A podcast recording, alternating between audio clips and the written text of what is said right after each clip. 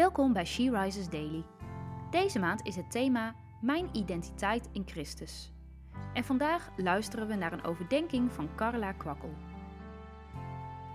We lezen uit de Bijbel in Efeziërs 4, vers 3 tot 7. Span u in om door de samenbindende kracht van de vrede de eenheid te bewaren die de geest u geeft. Eén lichaam en één geest, zoals u één hoop hebt op grond van uw roeping. Eén Heer, één geloof, één doop, één God en Vader van allen, die boven allen, door allen en in allen is. En aan ieder van ons is genade geschonken naar de maat waarmee Christus geeft. Bewaar de eenheid van de geest. In de overdenking van gisteren over het lichaam van Christus werd al genoemd dat het belangrijk is om als leden van het lichaam elkaar lief te hebben. Het Bijbelgedeelte van vandaag gaat daarin nog een stapje verder. We worden opgeroepen om de eenheid van de geest te bewaren.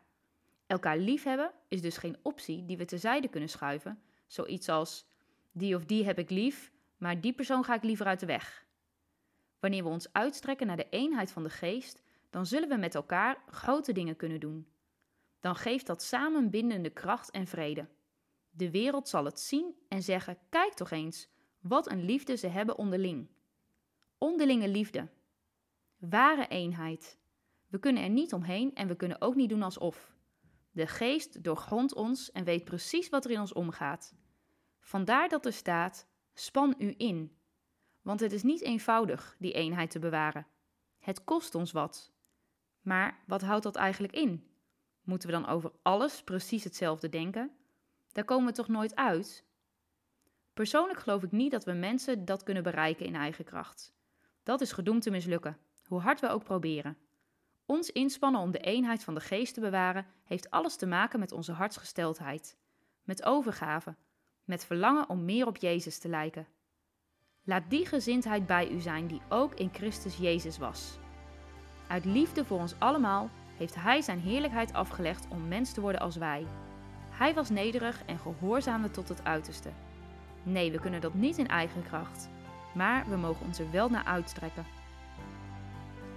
Wat raakt jou in dit stuk?